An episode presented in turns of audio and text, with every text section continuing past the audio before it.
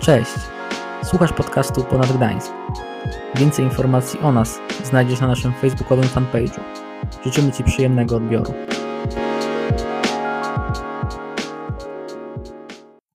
Bardzo nam miło jest, prawda? Bardzo nam miło. Bardzo nam miło być z Wami razem, a tym bardziej, że mamy dzisiaj y, rozmawiać na jakże piękny i wdzięczny temat. Bardzo. Czy Wy wiecie, o czym będziemy rozmawiać? Czy tylko my wiemy? Mm, pięknie. To dzisiejsze nasze tutaj pojawienie się jest odpowiedzią na Wasze pytania, które żeście wypisali w zeszłym tygodniu chyba, czy jakoś tak. Tak, w zeszłym tygodniu. Mm. Dwa nawet? Dwa nawet temu tygodnie. Pięknie. Widzicie? Już nawet dwa tygodnie. Dzisiaj mamy mówić y, na te pytania, które Was nurtowały z dziedziny seksualności. Więc y, dla Pana Boga nie ma tematów tabu tak w ogóle. Właśnie, ty myślisz chyba, czy Bóg lubi seks? Hmm. Bóg A coś, Bóg? Może Bóg, y, nie wiem, czy ma coś przeciwko? Myślicie, że Czy ma coś myślisz, że przeciwko? taki tabu ma, bi- ma być? Nie, nie. Nie, chyba nie. nie myślę, że nie. Ja myślę, że Pan lub- Bóg to Pan nas Bóg stworzył istotami seksualnymi i dlatego On bardzo chętnie na ten temat z nami rozmawia, tak myślę w Raczej. ogóle. I są nawet takie teksty w Biblii, gdzie człowiek się rumieni, jak je czyta. No może dzisiaj już się ludzie niektórzy nie rumienią, bo to, to takie staroświeckie, nie? Czy wy się rumienicie jeszcze? Teraz jak są maski, to, to jest bezpieczniej, nie? No właśnie, już to się z kogoś nie, tak nie śmieje, bo nie widać, czy on zaraz będzie się rumienić, czy nie, się czerwony zrobi. Czy nie? Seks jest czymś pięknym, Raczej. raczej jest czymś pięknym. A My jesteśmy ze sobą razem, małżeństwem prawie 30 lat. Y, 30 lat nam ma strzelić w kwietniu. W kwietniu. Pamiętasz, który? 11 kwietnia. On pamięta dobrze. 11 kwietnia. Y, Mamy dwójkę dorosłych dzieci, e, więc wiemy, że dzieci nie biorą się z kapusty, ani że ich bocian nie przynosi. To wiemy, więc y, jest dobrze. W każdej dziedzinie naszego życia, jak widzimy, są różnego rodzaju zasady, którymi się ta dziedzina rządzi. Na przykład y, jest prawo ruchu drogowego. Nie wiem, czy zauważyliście. Y, Są czerwone światła, zielone światła. Czasem dla bardziej zaawansowanych i spostrzegawczych nawet jest światło żółte. I są zasady, którymi ci kierowcy się mm, powinni posługiwać. A jak łamią zasady, to wtedy zazwyczaj są wypadki. Mówi się, że wypadki chodzą po ludziach. Albo karę. Albo mandaty są. Mandaty są. Też są. Ale przyznam szczerze, ja dawno nie miałem temu, żeby nie było. Bardzo Ja dawno, też nie miałam. dawno temu. Dlatego może, że nie jeżdżę samochodem. Nie, nie to, to taki żarcik słaby, ale, ale zawsze jakiś. Nie? Ja tak sobie kiedyś pomyślałem, a może to gdzieś wyczytałem, nie wiem, że seks można tak naprawdę przyrównać do rzeki. Jak rzeka płynie, to ona ma taki swój, takie swoje koryto, którym płynie. I czasami są takie meandry, czasami ona sobie prosto płynie. Rzadko płynie pod górę. Nie wiem, czy zauważyliście. Jednak rze- Rzeka raczej tak płynie, tak w dół płynie, nie? Dlatego Wisła płynie z gór do morza, bo tam jest wyżej, a tu niżej. To tak wszystko się zgadza. Tak? To zgadzacie się? Pięknie. Bardzo się cieszę. I rzeka, jak pozostaje w swoim korycie, w swoim nurcie, to, to jest y, radością dla nas i przynosi nam radość. Y, Ryby się w niej łowi, ludzie w niej pływają, y, nawadnia też. No różne rzeczy można dobre z niej wyciągnąć. Ale problem się pojawia wtedy, kiedy rzeka występuje ze swoich, ze z tego koryta. Wtedy się robi powódź, zalewa obszary, których nie powinno zalać i jest problem. I w seksualnością jest dość podobnie. Myślę, że e, w świecie seksualności też są pewne zasady. Jeśli je stosujemy, przestrzegamy ich, to ten seks jest wielką radością, jest pięknym, daje też życie i można się nim cieszyć. Gdy się jednak łamie te zasady, pojawiają się problemy. Wielu ludzi zostało zranionych ze względu na złe wykorzystanie seksualności. Mówimy wtedy o gwałcie, mówimy o molestowaniu, mówimy o niewolnictwie na tle seksualnym, mówimy o wielu różnych rzeczach, a które są złe. Debata o pedofilii, o tym, co się dzieje, to wszystko ma miejsce wtedy, gdy mądre wierzę ja, czy my wierzymy, my, że my. mądre zasady są gwałcone, są e, poniewierane. E, więc no skąd możemy wiedzieć, bo chcemy o tym rozmawiać w kontekście jakby takim Bożym, skąd możemy wiedzieć, jaka jest Boża wola w tej kwestii? Powiedzcie, to teraz ja wezmę łyk wody, a wy mi podpowiecie. To jest ten moment, kiedy możecie coś powiedzieć. Tak. Jakie pytanie? Skąd możemy poznać Bożą wolę odnośnie seksualności? Zapytaj mama i tata. Tatę i mamę? Mm, Nie, nie, tatę i mamę nie. Rzadko. Starszego brata, starszą siostrę? Nie. Internet. A teraz internet wszystko ci powie. Wygooglać można. Wujek Google co. Jaka jest Boża wola dla seksu? Jestem ciekaw, co by się pokazało normalnie. Jestem bardzo Nie ciekaw. szukałeś? No właśnie, kurczę, to z czym do ludzi teraz? Słabo trochę, nie? No to skąd możemy wiedzieć? Skąd, skąd poznajemy? No, to nie jest podchwytliwe pytanie. Z Biblii możemy. No raczej. w zbyt- Tak. I jak macie jakieś pytania takie życiowe, to tam szukacie odpowiedzi co do Bożej woli? Tak? No dobrze. Skoro tak mówicie, to, to ja przyznam, że się z wami zgadzam całkowicie. A Ja też.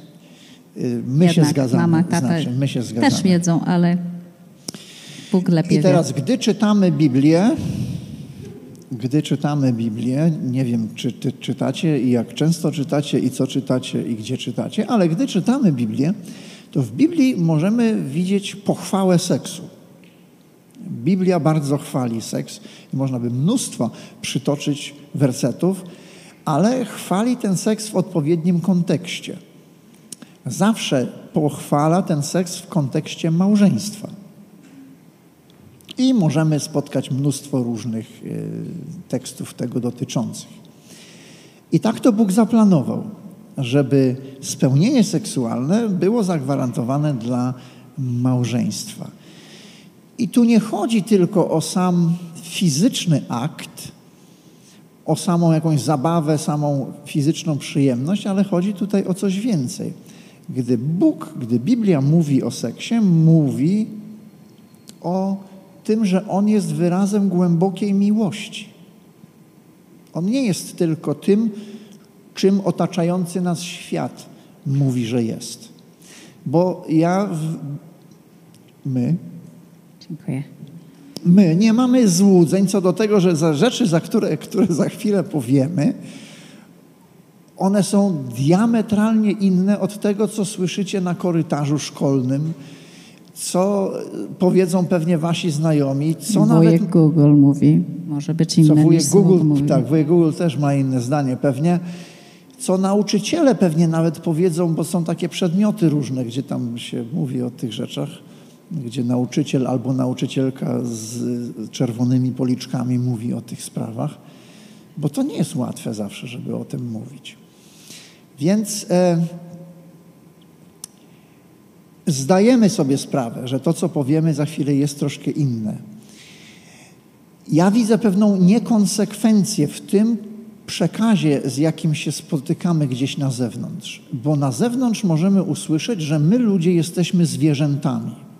Tak? Pochodzimy od takiego jednego, co tam zszedł z drzewa i potem tak się odpowiednio tego, no i jesteśmy, prawda.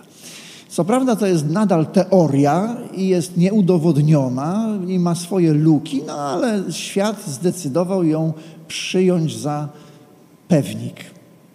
Chociaż jest teorią, no ale okej. Okay. I zgodnie z tą teorią my jesteśmy zwierzętami.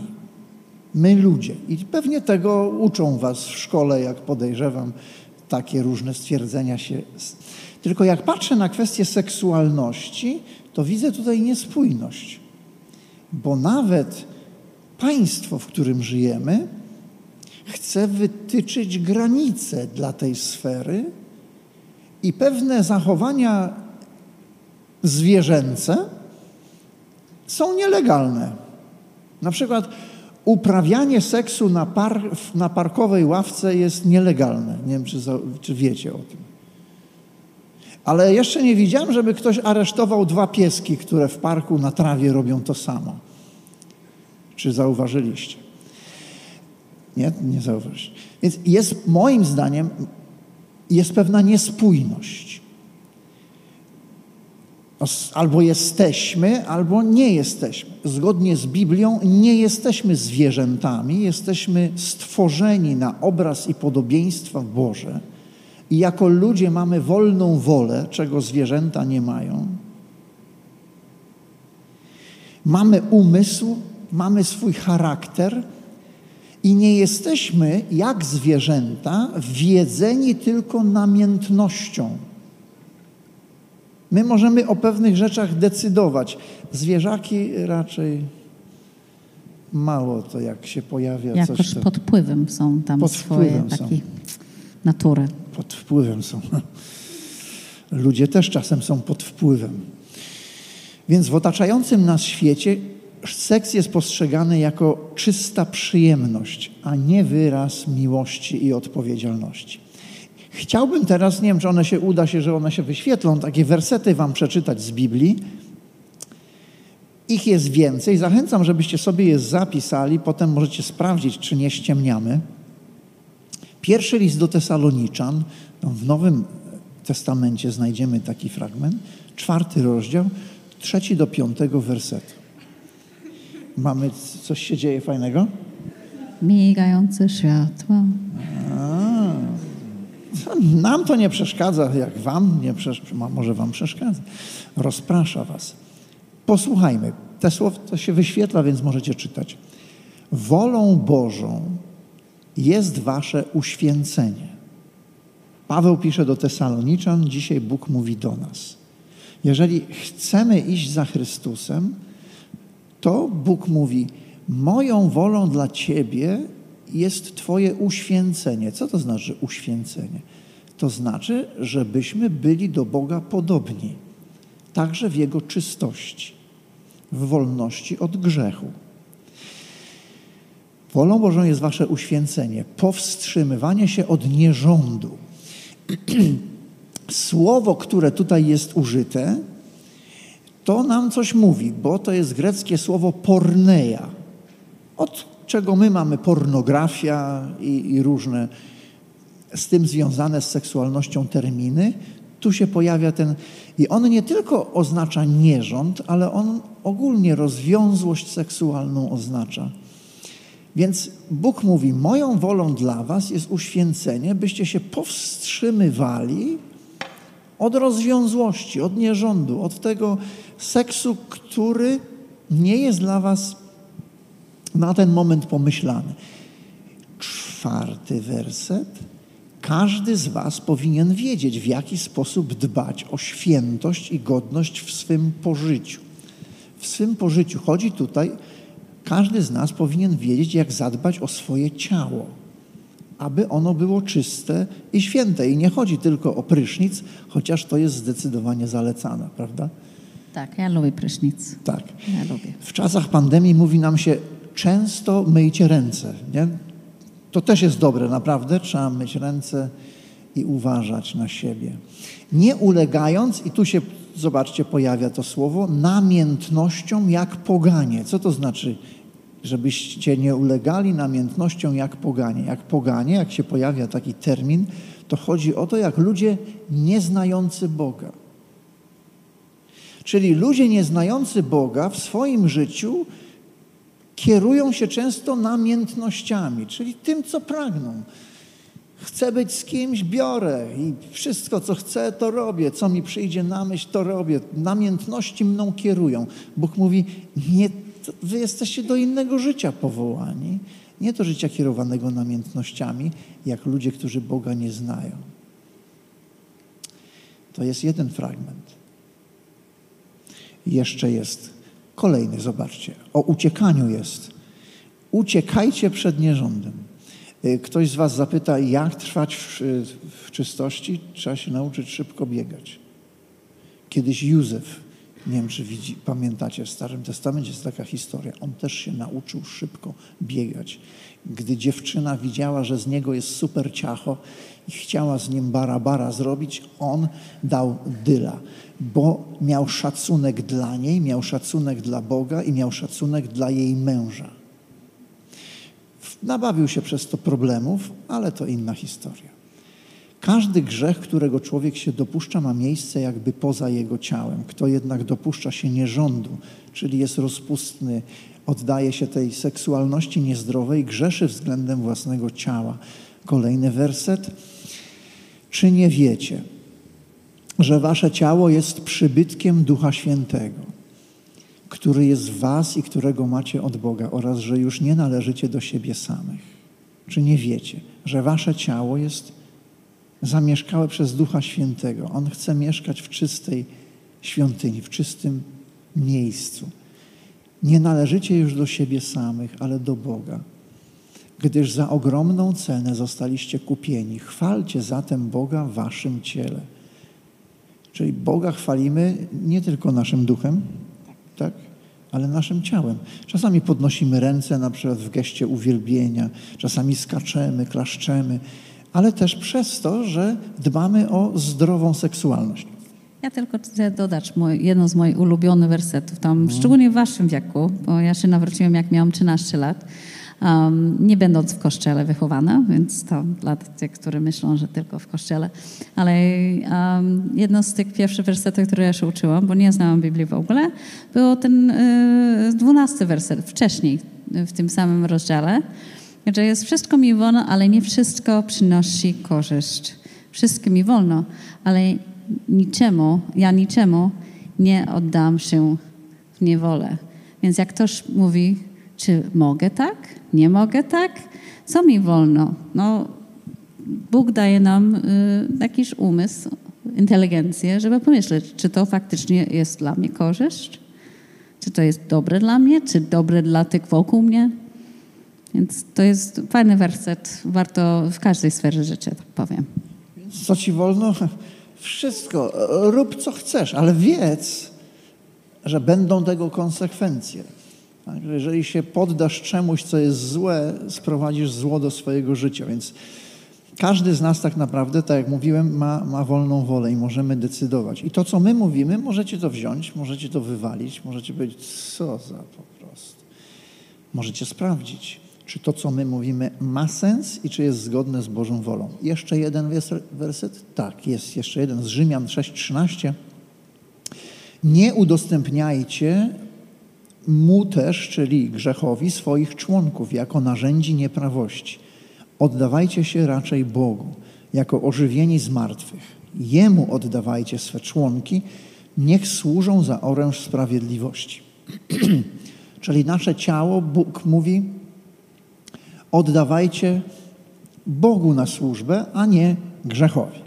No dobra, dzisiaj dwa chyba takie zasadnicze kwestie, o które poruszyliście w swoich pytaniach. Na niektóre z nich odpowiemy jakby mm, w trakcie, a niektóre wyłuszczymy. To kwestia masturbacji i kwestia pornografii. O to najwięcej było pytań, co z tym zrobić. I znowu, jeśli chodzi o masturbację, to y, dzisiaj chyba powszechnym poglądem jest to, że to jest żaden problem, że to jest bardzo fajna sprawa i tak naprawdę y, służy temu, by rozładować napięcia seksualne, a żyjemy w kulturze, która dzisiaj jest nasycona seksualnością. Tak? Wiertarkę się reklamuje kobietą w bikini na przykład. Nie wiem, co kobieta w bikini ma do wiertarki, ale, ale są panie, które protestują, mówią, że to seksizm, że tak już nie można robić.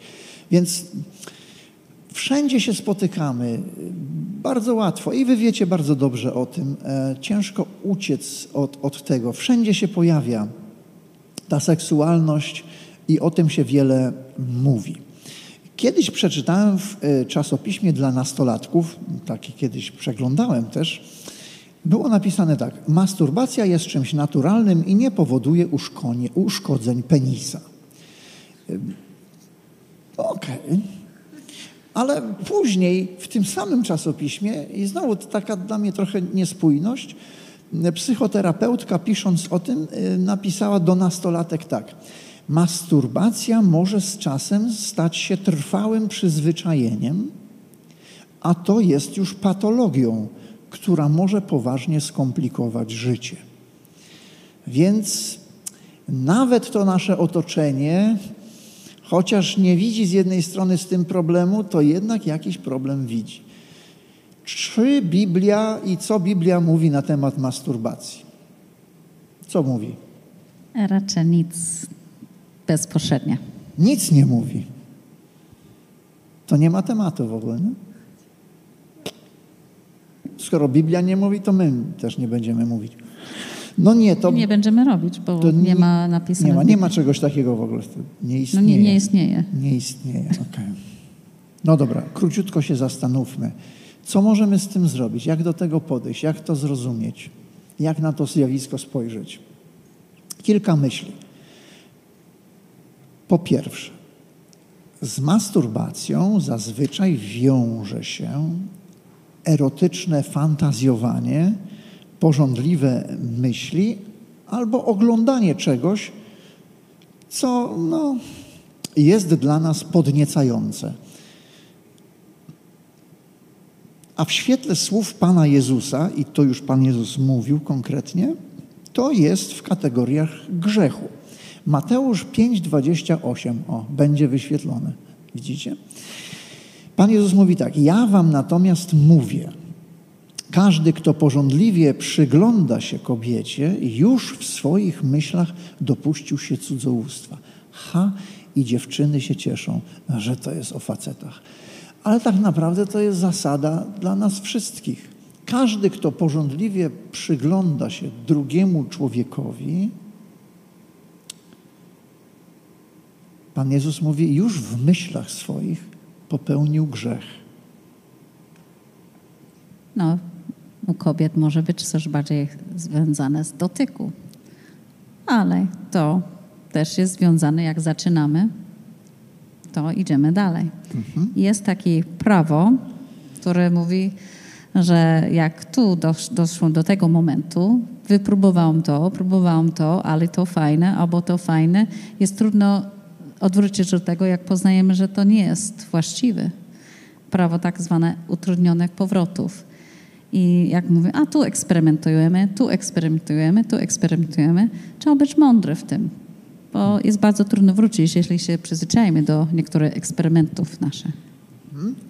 Więc po pierwsze, trudno laboratoryjnie wydzielić akt masturbacji i wydzielić go od myślenia albo patrzenia związanego z zachowaniami seksualnymi. To po pierwsze. Po drugie, Biblia zamierzyła, aby akt seksualny odbywał się między mężczyzną i kobietą, mężem i żoną. Masturbacja zaprzecza tej zasadzie. Ona uczy egoizmu. Ja jestem tutaj najważniejszy, i ja sam potrafię zaspokoić swoje potrzeby. Jeżeli człowiek, wchodząc w związek małżeński, ma problem z masturbacją, to niestety ten problem nie zniknie po ślubie. On zostanie wniesiony do małżeństwa.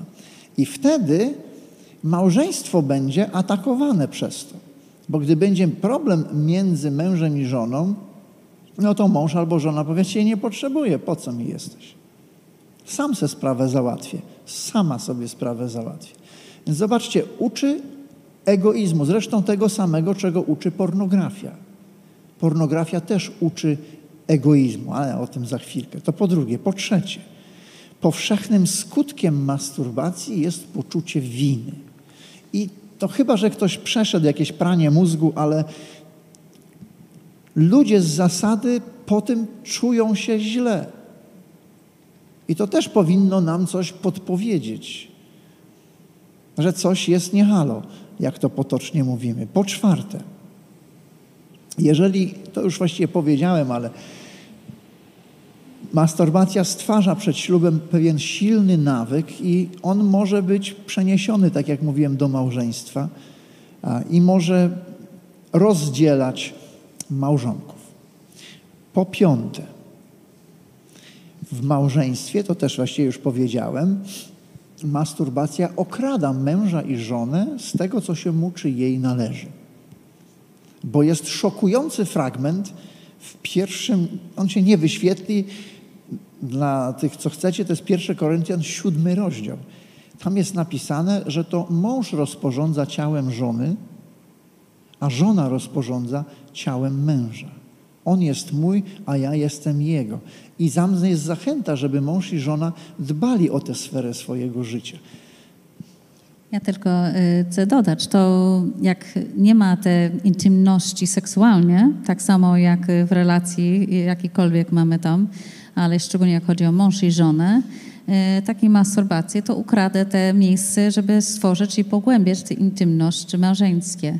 Więc jak jedna z nas jesteśmy bardziej uzależnione od masturbacji, y, zaspokojemy nasze potrzeby w taki sposób, wtedy nie zadbamy o potrzeby naszych współmarzonych współmałżonków. Tak? Więc tak. to kradę nas też o tej intymność, który Bóg nas stworzył do takiej intymności.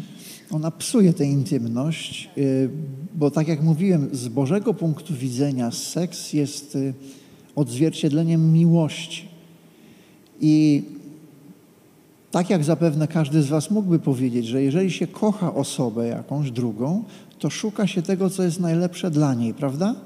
chce się coś szczególnego dla niej zrobić. Czy nie? Nie? No tak, mam nadzieję, że tak. Człowiek, który kocha, chce być kimś szczególnym dla tej osoby, chce dla niej coś dobrego robić. I jeżeli przeniesiemy to w kwestii seksualności, to też mąż będzie chciał sprawić radość żonie, a żona mężowi, a nie tylko będą zainteresowani tym, żeby samych siebie zaspokoić. Tak, widzicie różnicę? Myślenie o sobie, a myślenie o drugiej osobie w małżeństwie. Więc jak się y, tam przyzwyczaimy, że sami zaspokoimy, to będzie o wiele trudniej później w życiu. Wiem, że czasami trudno to pomyśleć o tym teraz, bo teraz jest, co ja potrzebuję i co ja chcę teraz i już ale tak naprawdę y, Bóg daje nam tę perspektywy dalsze, że możemy patrzeć do przodu, jak to wpływa później na życie nasze. Chciałbym powiedzieć, że naprawdę mamy dla Was wielki szacunek, bo nie przyszło Wam żyć w łatwych czasach. E, wy dorastacie w trudniejszych pod tym względem czasach niż my. I zdaję sobie sprawę, że dzisiaj jest dużo łatwiejszy dostęp do różnych rzeczy. To wszystko jest y, dużo bardziej eksponowane i trudniej przed tym uciec. Pojawiają się w związku z tym, bo gdy człowiek dorasta, gdy, jest, gdy ma lat naście, hormony buzują. To jest sfera, którą człowiek chce jakby zbadać, chce zrozumieć, widzi, że coś się dzieje z jego ciałem. To nie są takie proste rzeczy ale musimy się uczyć o tym w zdrowy, dobry, Boży sposób z szacunkiem rozmawiać. I my dla Was mamy taki szacunek i dlatego jesteśmy tutaj i chcemy się podzielić z Wami naszym sercem. Powiada się nam, że masturbacja ma nam pomóc y, rozładować te napięcia, ale tak naprawdę ona często wręcz przeciwnie pobudza jeszcze bardziej tę seksualność, rozbudza. Że my zamiast być spokojniejsi, to jeszcze bardziej o tym wszystkim myślimy. Bóg sprawił tak, to jeśli chodzi o facetów, że pojawiają się polucje nocne, czyli wytrysk następuje podczas snu. To reguluje bardziej te napięcia, a masturbacja, no różnie to z tym bywa. Dobrze. Y, niekontrolowana masturbacja prowadzi, to tak jak już nawet zacytowaliśmy troszkę, do silnego zniewolenia, obsesyjnego nawyku, do tego stopnia, że człowiek po prostu staje się niewolnikiem. A to już ładnych parę lat temu pojawił się problem, który literatura fachowa nazwała seksoholizmem. Że tak naprawdę ludzie, którzy już są tak od tego uzależnieni, oni nie czerpią z tego żadnej przyjemności. Po prostu to jest coś, co rządzi ich życiem. Czasami nie kontrolują tego zupełnie i zamiast cieszyć się tym darem, to się staje jak ta rzeka, o której mówiłem, która się rozlewa w ich życiu, jest żywiołem, który niszczy tak naprawdę i wyniszcza ich. A nie to Bóg jakby zamierzył e, dla nas ludzi.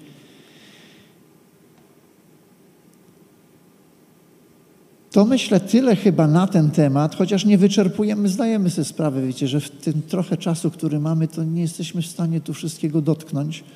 Zawsze jesteśmy do Waszej dyspozycji. Właśnie chciałam powiedzieć. Y, jeżeli ktoś z Was chce porozmawiać czy coś, ja wiem, że to jest, wiemy, że to jest krępujące, ale no musimy uczyć się rozmawiać o tym normalnie, w kulturalny y, sposób. Jeszcze warto powiedzieć o, mm, o pornografii. Pan Jezus powiedział, że kto patrzy, pożąda, już jakby popełnił grzech. I dzisiaj no wystarczy kilka kliknięć, by dotrzeć do golizny. To nie jest łatwe. Tak? I w tym sensie to, to nie jest dla Was łatwe. To nie jest dla żadnego człowieka, kto chce żyć w czystości i świętości, łatwe. Bo gdy pojawia się problem, gdy y, pojawiają się jakieś pragnienia, no to każdy ma telefon, każdy ma internet, i niewiele trzeba, żeby się gdzieś tam y, pogubić. Y, podobno dwa lata potrzeba, żeby uzależnienie jakieś w życiu człowieka dojrzało. Badacze tej kwestii w odniesieniu do internetu i uzależnienia od takiego, od pornografii, od tego mówią, że wystarczy 60 dni używania tego codziennie, żeby człowieka tak wciągnęło jak wir, jak odkurzacz, że nie jest w stanie sam z siebie z tego wyrwać.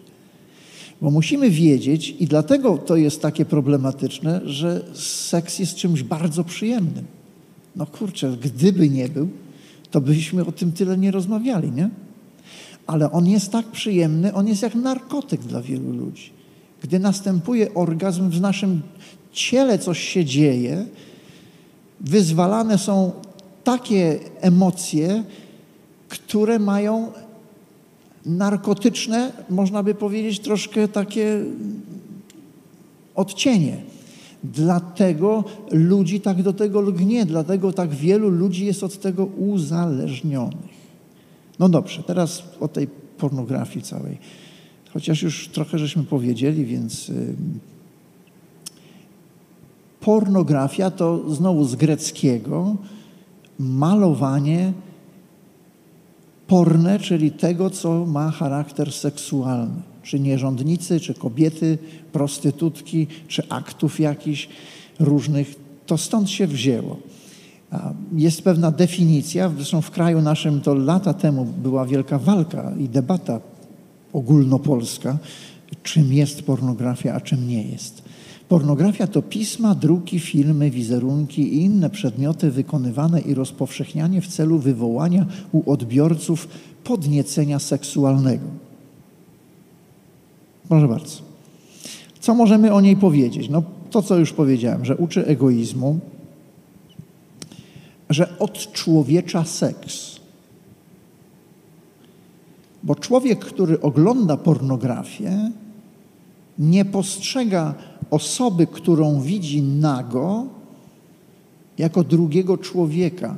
nie ma dla niego szacunku, nie ma do niego miłości. Patrzy na niego jako na obiekt pożądania. Uczciwie powiedzmy, kto z nas chciałby być obiektem pożądania, a nie człowiekiem, którego ktoś pokocha i z tej miłości zrodzi się bliskość. Tego uczy pornografia.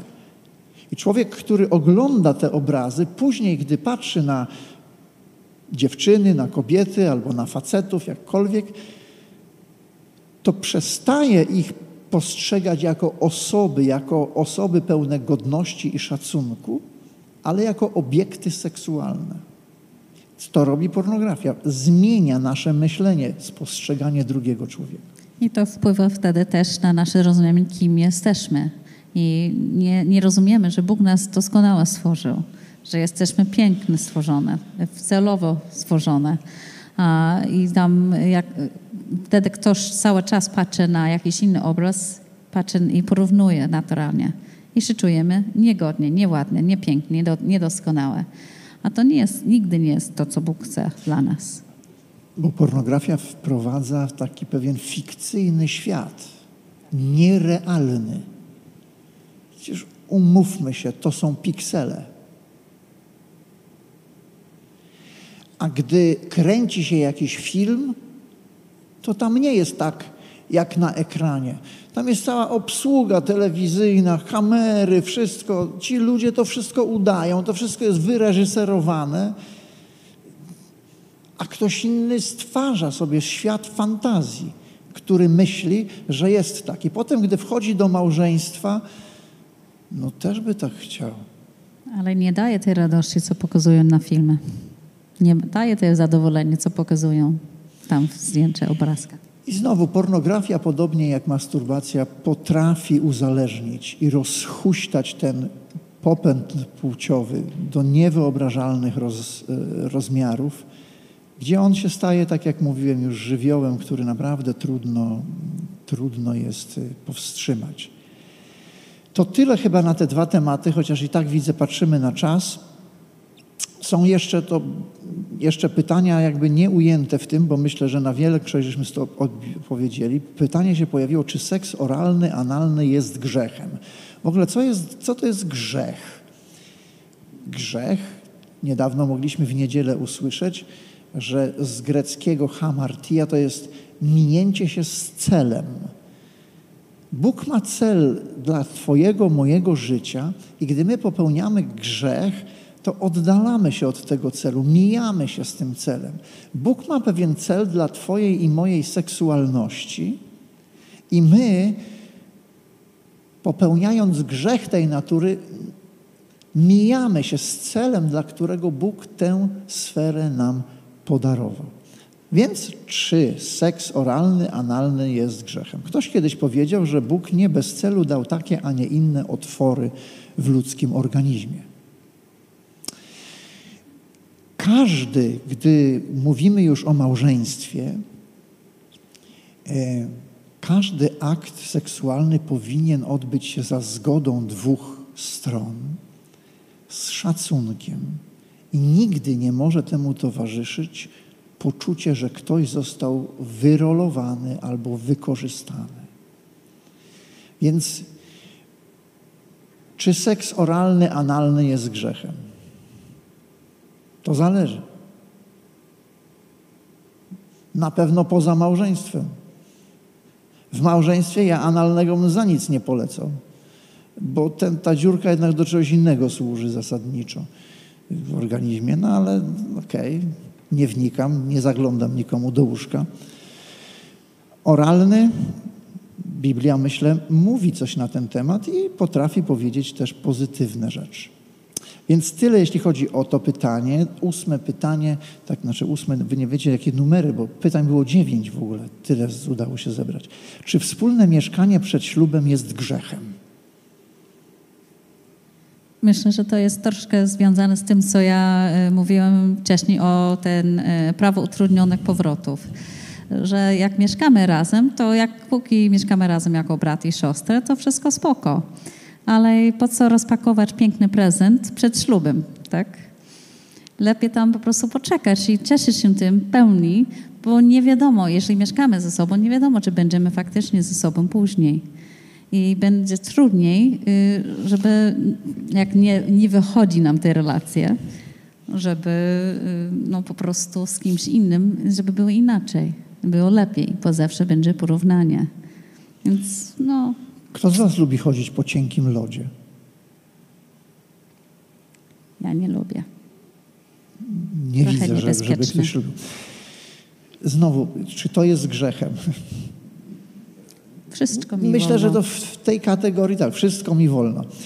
Dzisiaj to jest dosyć normalne i wielu waszych znajomych tak funkcjonuje. Wielu ludzi dzisiaj tak funkcjonuje. Mieszkają razem ze sobą, jak mąż i żona, chociaż mężem i żoną nie są. No dobrze, ale my chcielibyśmy, my tak jak brat i siostra będziemy, będziemy mieszkać. Okej, będziecie mieszkać jak brat i siostra, czyli nie będziecie współżyć seksualnie ze sobą.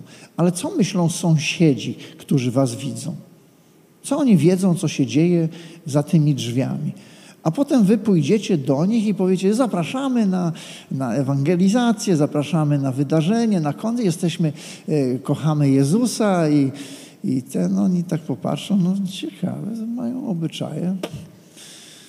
Dla nich jesteście ludźmi, którzy są jak albo małżeństwo, a myślałem, że to małżeństwo. A nie, nie, my nie jesteśmy małżeństwem nadwyrężamy nasze świadectwo. To, co ludzie pomyślą o tym, co, co my sobą reprezentujemy, to jest nikomu niepotrzebne. To po pierwsze. Po drugie, to jest chodzenie po cienkim lodzie, bo, no właśnie, jeżeli jeszcze ktoś siebie sobie podoba nawzajem, no to jest kłopot. To mamy pokusę w domu na dzień dobry. Jak się budzę, jak się kładę spać, jest pokusa. Jeśli bardzo lubię czekoladę i stawię całe tą czekoladę przed sobą, to, to raczej mi kusi. No, ja nie chcę jeść, bo nie chcę przytyć kolejne 5 kilo, nie będę kupić kolejne 5 czekolad i wstawiać przed sobą. To by było głupot. No, nie, wszystko mi wolno. Niekoniecznie jest. A nie wszystko jest rozsądne. Uważamy, że to jest nierozsądne i, i moglibyśmy dużo w dłużej mówić o tym, Tak. ale nie będziemy. Nie. I na koniec, czyli jesteśmy w połowie, nie? Żartowałem. Psalm 119 to jest dobre pytanie, bo to pytanie niektórzy z Was sobie zadają. Jak młody człowiek zdoła zachować w czystości swe życie? Jak w XXI wieku człowiek może zachować w czystości swoje życie? Tu jest podpowiedź. Przez to, że będzie przestrzegał Twego słowa. Dziesiąty werset. Szukam Cię całym sercem, spraw, bym nie odstąpił od Twoich przykazań. W moim sercu przechowuję Twe słowa, aby nie zgrzeszyć przeciwko Tobie. Jeżeli mamy bliską relację z Bogiem, będzie nam dużo łatwiej Zdecydowanie. wytrwać w czystości. Jeżeli nasza relacja z Bogiem jest bardzo słaba i kiepska, będzie nam dużo trudniej zachować czystość. To jest fakt, taka jest prawda. Wybór zawsze należy do każdego z nas. Więc dobra, gdy nadarza się pokusa, powiedziałem, co warto zrobić. Trzeba uciekać. No chyba, że jesteście chojrakami. Uciekać. A jak trwać w czystości? Tu trzy myśli, główne myśli. Już jedną powiedziałem, więc będzie dobrze. Higiena ducha, czyli relacja z Bogiem. Ale jest też higiena oczu. To może bardziej dotyczy chłopaków, nie wiem, ale tak mówi się, że chłopacy to wzrokowcy. Zobaczcie, co Hiob powiedział. 31.1. Zawarłem umowę ze swoimi oczyma, że nie spojrzę porządliwie na Pannę. Zawarłem przymierze z moimi oczami, że nie będę porządliwie patrzył na kobiety. Mądre, przyznam. Zalecam, zachęcam serdecznie. I jest higiena myśli. No, higienę myśli to myślę, to, myśli. Um, Dużo jesteśmy pod wpływem to wszystko, co jest wokół nas, co oglądamy. Może niekoniecznie musi być pornografia, może być oglądanie różne mm, ten, serie telewizyjne, które mają inne wartości. Mogą być słuchanie jakiejś muzyki, która też zachęca, może niekoniecznie do to, co Bóg by chciał dla nas. To wszystko wpływa na nasze myśli. Nie mówię, że nie wolno słuchać muzyki niechrześcijańskiej. Nie, nie o to mi chodzi. Nie wolno o, oglądać taki i taki program. Nie, nie o to chodzi. Tylko bardziej, gdzie ja będę wypełnić moje myśli lepsze rzeczy, żeby przeciwstawić coś, które jest słabością może dla mnie. Albo nawet nie jest słabością, ale może być słabością, jeśli za dużo karmię moje myśli, rzeczy, które nie zachęca do, nie zachęca do Boże myśli. Więc musimy być świadome tego w każdym sferze naszej rzeczy. To, co karmimy, tak będzie, tak będzie wychodzić z nas. Karmimy Boże Słowo, to wychodzi Boże Słowo. Karmimy rzeczy, które nie są Boże, to wychodzą rzeczy, które nie są Boże. A też tylko szybciutko wrócę do tego, jak chodzi o mieszkanie ze sobą. Często mówię, ale musimy wypróbować, albo nawet seks przed ślubem. No kota muszę... w worku nie będę brał. Tak, kota w worku nie będę brał. A tutaj jest pytanie, czy my ufamy siebie bardziej, czy Boga. E, mi się wydaje, że bardzo Bogu tam zaufać, bo On wie, jak to będzie wyglądać po prawie 30 lat małżeństwie, bo każdy z nas się zmienia. Nie zostajemy tak samo jako nastolatka, więc się zmienimy. Czy tak jak będzie, jak będziemy mieli 20 parę lat, czy będziemy mieli tam 18, e, to będzie tak samo jak za 20 lat, 20 lat później? Niekoniecznie, więc się nie da wypróbować. Czy nie da? Filipian 4:8 w końcu myślcie, rozmyślajcie o tym, co prawdziwe, szlachetne, sprawiedliwe, czyste, miłe, godne polecenia, może uchodzić za wzór, zasługuje na uznanie. Do tego nas zachęca Bóg, byśmy takie mieli myśli. Więc to po trzecie. No dobra, a co jeżeli już poszłem za daleko, poszłam za daleko, co zrobić, jak tu przerwać to wszystko, jak z tym sobie poradzić? Wszystko się zaczyna od pokuty, czyli od wyznania tego Bogu i od uznania, że jest w ogóle problem. Co trzeba zrobić? Trzeba oczyścić chałupę. Naprawdę, jeżeli chcesz radykalnie z tym postąpić, bo inaczej, to trzeba wiedzieć, że to jest siła. To, to, to nie są żarty. Potrafi być. Pan Jezus mówi tak, jeżeli oko cię przywodzi do grzechu, to co z nim zrobić? Pamiętacie może? Wyłupać? Wyłupać. No, ale jedno oko. Oczywiście to jest przenośnia. Nie? Jeżeli ręka cię gorszy, odetnij ją. Nie, tu nie chodzi. Pozbaw się tego. Jeżeli rzeczywiście widzisz i musisz powiedzieć, co ciebie tak, co jest dla ciebie problemem. Jeżeli Netflix jest dla ciebie problemem, to wywal ten Netflix. Jeżeli dla ciebie problemem jest internet, to wywal internet, bo lepiej tobie żyć z Jezusem bez internetu niż z internetem bez Jezusa. Ale wybór jest twój. Jeżeli potrafisz zapanować nad internetem, to jesteś szczęściarzem. No więc z jednej strony można radykalnie, czasami rzeczywiście trzeba radykalnie. I na koniec obietnica i będziemy się modlić, więc już, już możecie być spokojni. Już kończymy teraz. O, List do Rzymian, szósty rozdział, czternasty werset. Zobaczcie. Grzech bowiem nie będzie nad wami panował, gdyż nie jesteście już pod prawem, lecz pod łaską. To jest Boża obietnica. Jeżeli kochasz Pana Jezusa, chcesz do Niego należeć, chcesz być i żyć w czystości, to masz całe niebo po swojej stronie. I Bóg mówi, nad Tobą grzech nie będzie panował. To nie jest Twoje powołanie. Ty jesteś powołany, powołana do wolności, a nie do jakiejkolwiek niewoli. Więc jeżeli się zmagasz z czymś i jest Tobie trudno, mów o tym Bogu. Szukaj też pomocy, porozmawiaj z kimś zaufanym, kto będzie się z Tobą modlił, będzie Ciebie wspierał. Wszyscy mamy świadomość, że to nie jest łatwe. To naprawdę nie jest łatwe. I jeżeli myślisz, że jesteś jedyną osobą, która się z tym zmaga, nie. Każdy z nas się z tym zmaga. Każdy z nas. W większym albo mniejszym stopniu. Większość z nas się naprawdę z tym zmaga i i to jest coś normalne, by o tym rozmawiać, by modlić się, by siebie nawzajem wspierać. abyśmy mogli w piękny i zdrowy sposób korzystać z tej sfery, którą Bóg nam podarował. Możemy się pomodlić na koniec? Czy jeszcze Nancy chciałabyś coś? Nie? Tylko tam, co chyba wiecie, w każdej sferze naszych życia, jak walczy, walka z grzechem, jakikolwiek coś, który się nie podoba Bogu, jak się czujemy słabe, no zawołamy. Jezus nam pomaga, tak? Ogłaszam panowanie Jezusa tam w moim życiu i to daje nam ten dodatkowy sił przeciwstawienie takich rzeczy, które są niepożyteczne, które są nie na dobre. My wiemy, często to jest tak, że dobrze wiemy, mamy sumienie, pokazuje nam, ale z drugiej strony tyle wpływa na nas, że stwierdzimy, że chyba nie mamy racji. Jak Bóg pomaga, On przy nas jest, On jest naszym najlepszym przyjacielem, nie ma lepszy. Nie ma przyjaciół ani przyjaciółka, które powie ci lepsze rzeczy niż sam Pan Jezus.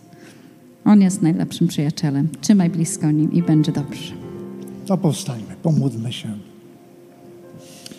Panie nasz kochany, chcemy dziękować Tobie za Twoje zamiary wobec nas, za Twoją miłość, za to, że Ty, jak nikt inny, chcesz dobra i piękna dla naszego życia. I prosimy Ciebie, chcemy powierzyć Tobie sferę naszej seksualności. Chcemy także i tą sferą Ciebie uwielbić, oddać Ci chwałę. Chcemy aby nasze ciała były czyste, by były święte, byśmy nie tylko w niedzielę podnosili nasze ręce, by Ciebie wielbiąc, albo w piątek, ale każdego dnia byśmy mogli żyć. Ty widzisz, Boże, że to nie jest dla nas łatwe. Ty widzisz nasze zmaganie, widzisz ból, widzisz czasem poczucie winy, widzisz, w co się czasami potrafimy wpakować i jakie straszne uczucia nam wtedy towarzyszą. Dziękujemy Ci za to, że Ty nas nie potępiasz, ale Ty zawsze, gdy przychodzimy do Ciebie, masz dla nas przebaczenie. Gdy wyznajemy Tobie nasze winy, Ty nam przebaczasz i dajesz siłę, byśmy mogli trwać w czystości i wolności. I modlimy się o każdego z nas. Dopomóż nam w tym, Panie to pomóż nam. Potrzebujemy Twojej siły, Twojej mocy. I dziękujemy Ci za to, że powołałeś nas do wolności. Do wolności od tego, co mogłoby zniszczyć nasze życie. Dlatego ucz nas korzystać z tej wolności w mądry sposób, cieszyć się nią i wielbić Ciebie. Tobie oddajemy chwałę z głębi naszych serc. Amen. Uwielbimy Boga, kochani.